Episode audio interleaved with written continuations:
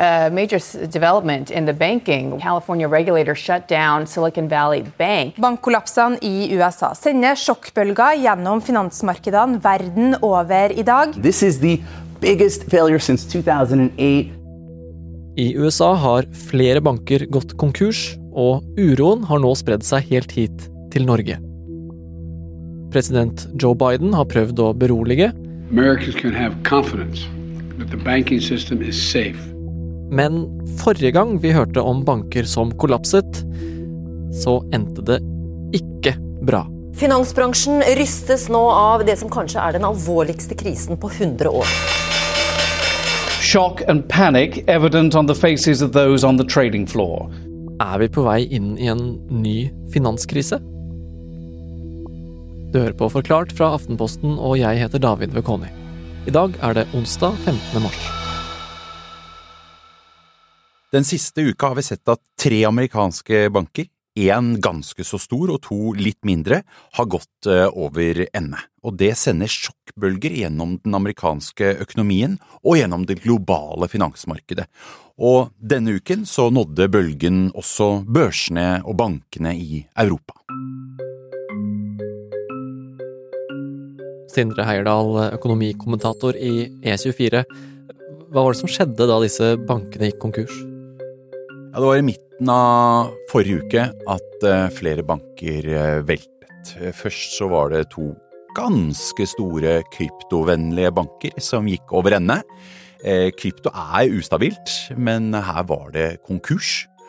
Og kundene fikk ikke lenger ta ut pengene sine. Og så kom det virkelig store sjokket at en av USAs større banker, Silicon Valley Bank, også veltet. A Fox Business Alert. Silicon Valley Bank. Clients lining up outside their bank, desperate to get their money back. It was a sudden implosion, and it came after a run on deposits.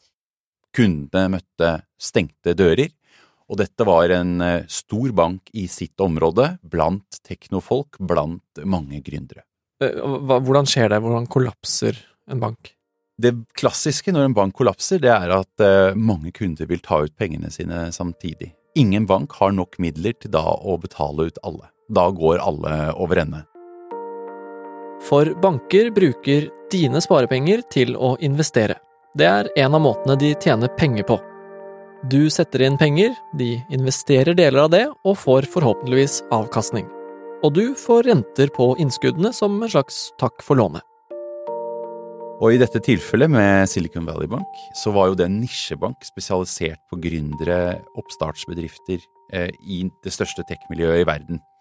Et tech-miljø som også begynte å gå litt, eh, slite litt, eh, og mange gründere begynte å ha et behov for penger.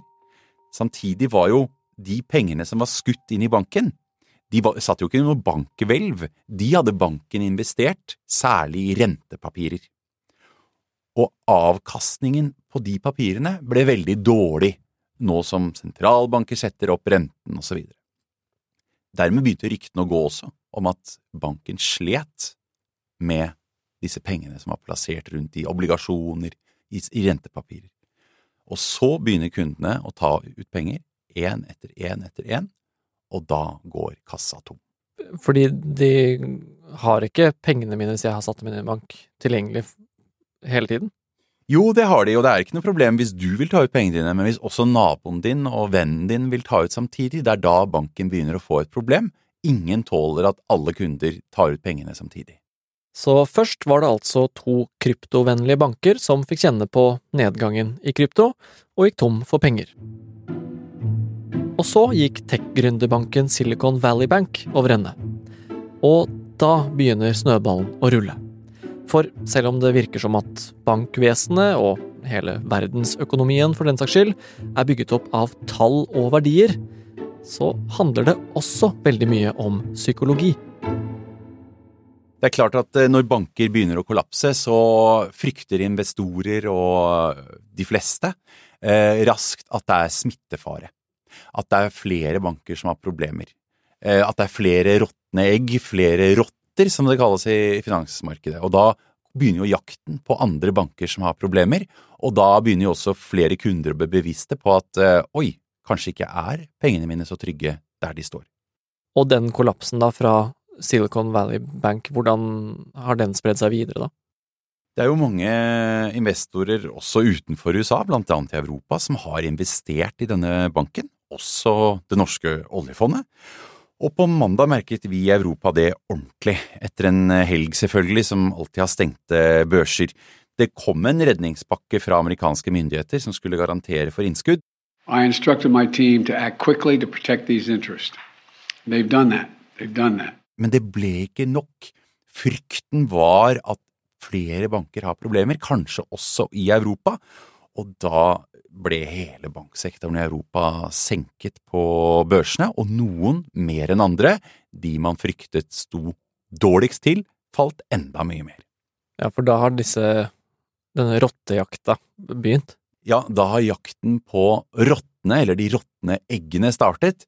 Altså jakten på banker som man frykter ikke har midler nok hvis mange nok kunder vil trekke ut pengene samtidig. Ok, så da har aksjekursene på store banker i Europa stupt. Hva har det å si for oss som ikke driver med aksjer, da?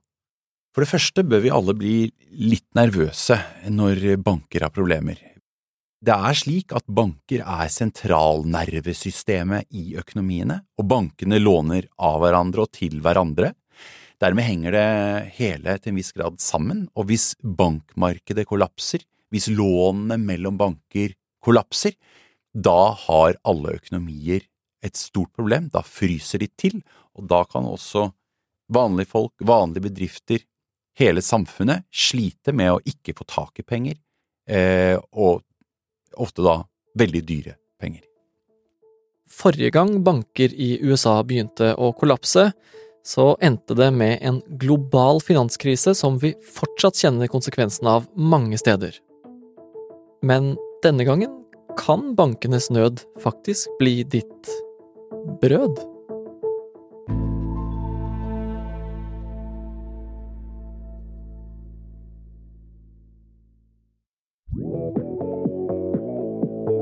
Hørte du på radio i 2008, så hørte du kanskje Just Dance av Lady Gaga, I'm Yours av Jason Mraz eller Viva la vida av Coldplay bli avbrutt av nyhetsmeldinger som dette. Panikk på verdens børser kan være alvorligste finanskrise på 100 år. og får is, uh, we've been talking about natural disasters. This one's certainly man-made. Det er svært nervøst, og at dette ser ut til å bli nok en dårlig dag på New York-børsen. Det var helt ekstremt dramatisk. Banker som hadde overlevd i århundrer, eh, veltet. Det var frykt i gatene. Det var mennesker som mistet alle sine sparepenger. Og det var eh, frykt for at økonomiene rett og slett ikke ville fungere lenger. Og det spredde seg som ringer i vannet til hele verden over natten. For the financial markets in Asia, I think it is like an earthquake and a tsunami going together. It is the really ultimate big bang. In Athens, people pause to remember a pensioner who chose to end his life rather than, as he put it, face a future rifling through garbage cans for food. I dag tok panikken investorene på Oslo Børs. Mange aksjekurser kollapset. Veldig, veldig mange mennesker eh, fikk en fryktelig tøff økonomisk tid, og mange fikk også store sosiale problemer. Nei, det er uh, tøft å sitte her. Kundene sitter og taper enorme summer penger. Folk sitter fortvila der og lurer på hva de skal gjøre. og Rådene er ikke mye verdt når markedene faller sånn som de faller nå. Her er går det kun én vei for øyeblikket. Og hva var det som skjedde da? Hvor, hvorfor ble det en finanskrise sist? Det handlet veldig mye om boliglån, amerikanske boliglån med helt elendig sikkerhet. Ofte var de pakket sammen i ekstremt kompliserte produkter. Det ble kalt finansiell innovasjon, men det viste seg jo å være veldig råttent pakket sammen, og når det viste seg at eh, de som hadde tatt opp mange lån, faktisk slet med å betale regningene sine også, så kollapset hele korthuset, eh, og nå dukker denne frykten opp igjen. Ok, så det kan skje igjen nå? Det korte svaret er nei. Det er mye mer bankreguleringer nå enn den gang da, og veldig mange banker har mye mer penger på bok enn de hadde i 2008. Det litt lengre svaret er kanskje, men det viktigste du trenger å få med deg nå, er nei. Vent, vent, vent, vent nå. Selv om det mest sannsynlig absolutt ikke blir en ny fullskala finanskrise av dette, så vil det likevel ha en del å si for deg her og nå. Ok. På hvilken måte da? Det handler om rente. For den norske sentralbanken er veldig avhengig av hva som skjer ute i verden. Og ganske snart, rett rundt hjørnet, 23. mars, så er det en ny rentekunngjøring fra Norges Bank. Alle har ventet at eh, sentralbanken hever renten en gang til. Noen trodde til og med på en såkalt dobbel heving, 0,5 prosentpoeng allerede i mars.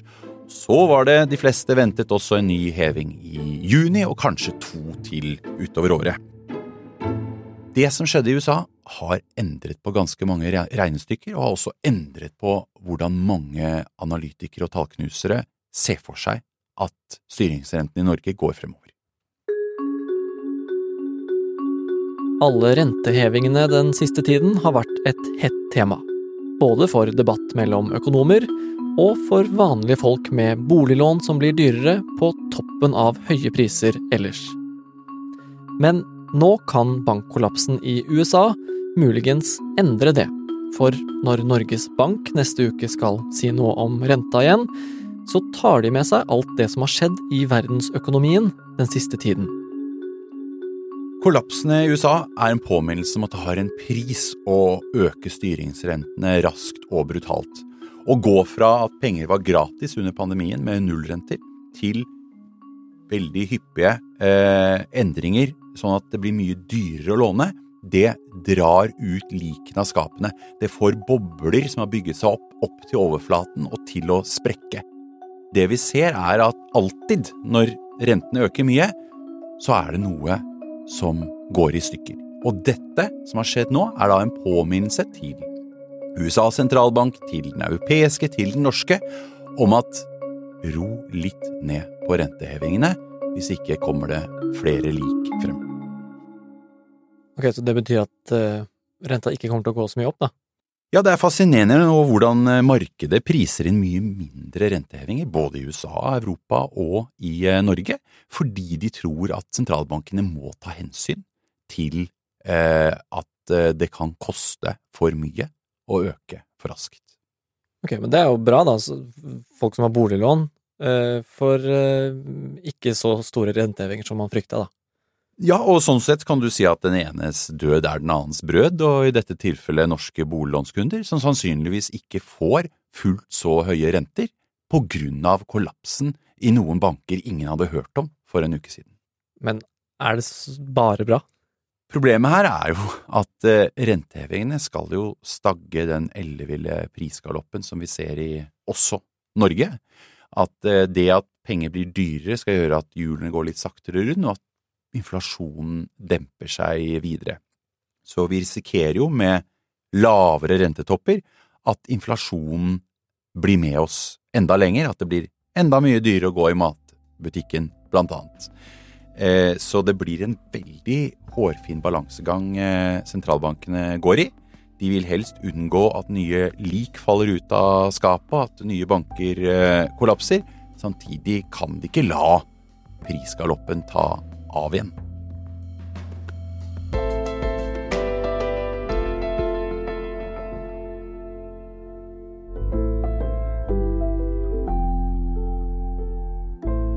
Du har hørt en podkast fra Aftenposten. Og denne gangen er episoden faktisk slutt. Det var økonomikommentator Sindre Heierdal som forklarte hvordan banker fungerer, og hvorfor vi heldigvis ikke trenger å være altfor redde for finanskrise nå. Du har hørt lyd fra NRK, CNN, Fox News, Al Jazeera og nyhetsbyrået AP.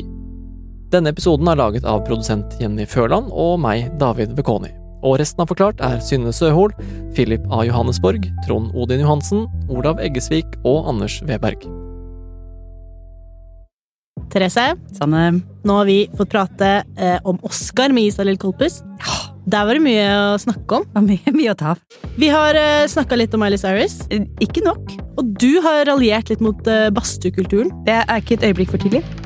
Hør Poprådet i Aftenposten-appen eller hos Podme.